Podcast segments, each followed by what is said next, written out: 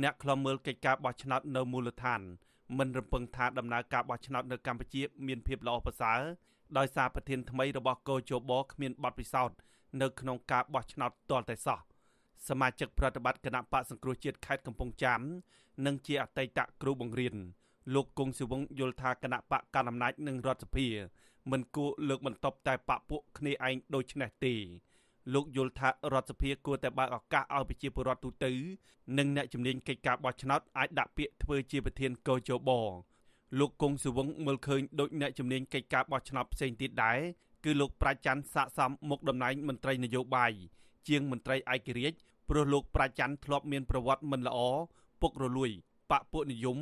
និងធ្លាប់ធ្វើជាខ្នងបង្អែកឲ្យឈ្មួញរកស៊ីឈើខុសច្បាប់ជាច្រើនឆ្នាំ ច្រើនជាងមានស្នាដៃក្នុងពេលកាន់កាប់មុខតំណែងជាសាធារណៈជាង10ឆ្នាំ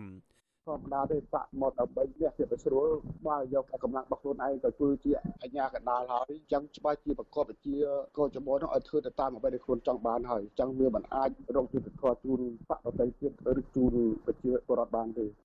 ការលើកឡើងនេះក្រោយពេលគណៈអចិន្ត្រៃយ៍នៃរដ្ឋសភាឯកបកនៅថ្ងៃទី22មិថុនាបានអនុម័តផ្ដាល់ទំនុកចិត្តឲ្យលោកប្រាច័ន្ទ ក្លាយជាប្រធានកោជបបន្តពីលោកសិចប៊ុនហុកដែលបានសុំលាលែងរដ្ឋសភាកំពុងបញ្ជូនឈ្មោះលោកប្រាច័ន្ទ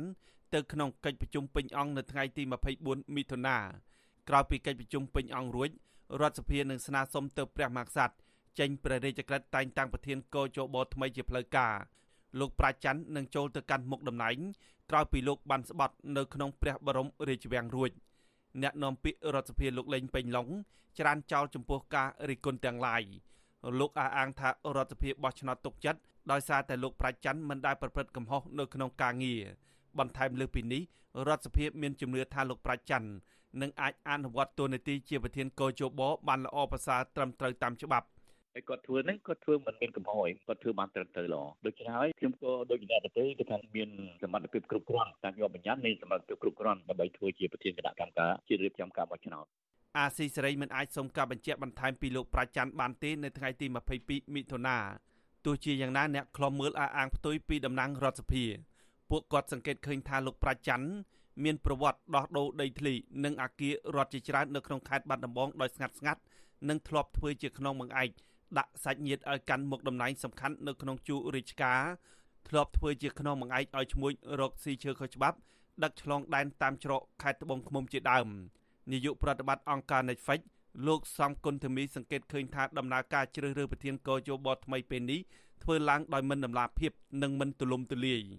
ការលាក់បាំងព័ត៌មានច្រើននេះហើយទើបធ្វើឲ្យអ្នកជំនាញកិច្ចការបោះឆ្នោតរូបនេះមិនអាចស្គាល់ប្រវត្តិលោកប្រាជ្ញនិងអាចវាតម្លៃចំពោះសមត្ថភាពបាន។ យើងអត់បានដឹងដេកក្រងគាត់គាត់ធ្លាប់ធ្វើការក្នុងវិស័យបោះឆ្នោតយ៉ាងម៉េចទេបើខ្ញុំឃើញគ្រូគ្រូហ្នឹងគាត់ធ្វើការជាបុគ្គលសាធារណៈទេដូចជាជាបាយខេត្តអីទៅណាបាទខាងរដ្ឋាភិបាលទេហើយវិស័យបោះឆ្នោតផ្នែកអីហ្នឹងខ្ញុំមើលទៅគាត់អត់ដែលឆ្លងកាត់ទេណាឥឡូវចាំមើលពេលដែលគាត់ចូលកាន់ទូរទីមើលចាំមើលការងាររបស់គាត់ហើយគាត់ធ្វើការហ្នឹងវាឯករាជ្យអីអីទេហើយមានអត់ទេគ្រប់គ្រាន់អីចឹងយើងចាំមើលទាំងអស់គ្នាដែរណាបាទចាប់តាំងពីការរំលាយគណៈបពប្រឆាំងនៅឆ្នាំ2017មក ស្ថាប័នកោជបរងការរិះគន់ថាលែងឯករាជ្យបាត់បង់តម្លៃនិងคล้ายទៅជាឧបករណ៍ផ្ដាច់មុខរបស់គណៈបកកណ្ដាលអំណាចដោយសារតែកោជបបានយកអាសនៈគណៈបកសង្គ្រោះជាតិចាប់ពីថ្នាក់មូលដ្ឋានដល់ថ្នាក់ជាតិដែលទទួលបានពីការបោះឆ្នោតយកទៅចែកឲ្យគណៈបកដតីដែលចាញ់ឆ្នោតជាពិសេសគណៈបកប្រជាជនកម្ពុជា ជាងនេះទៅទៀតកោជប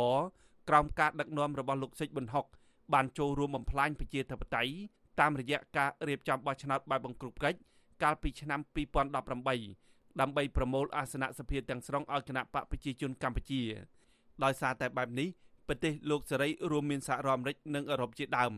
ក៏បានផ្ដាច់ជំនួយទាំងអស់លែងផ្ដាល់ឲ្យកោជបទៀតផងដែរបច្ចុប្បន្នគណៈបកនយោបាយមួយចំនួននិងមន្ត្រីសង្គមស៊ីវិលផ្នែកខ្លំមើលកិច្ចការបោះឆ្នោតនៅកម្ពុជាជំរុញឲ្យរដ្ឋសភាឯកបកធ្វើកំណែទម្រង់ស្ថាប័នបោះឆ្នោត ធ្វើយ៉ាងណាឲ្យដំណើរការរៀបចំបោះឆ្នោតនៅពេលខាងមុខនេះអាចប្រព្រឹត្តទៅដោយសេរីត្រឹមត្រូវនឹងយុត្តិធម៌ដែលអាចទទួលយកបាន ពីគ្រប់ភាគីពាក់ព័ន្ធខ្ញុំបាទហេងរស្មី អាស៊ីសេរីពីរដ្ឋធានី Washington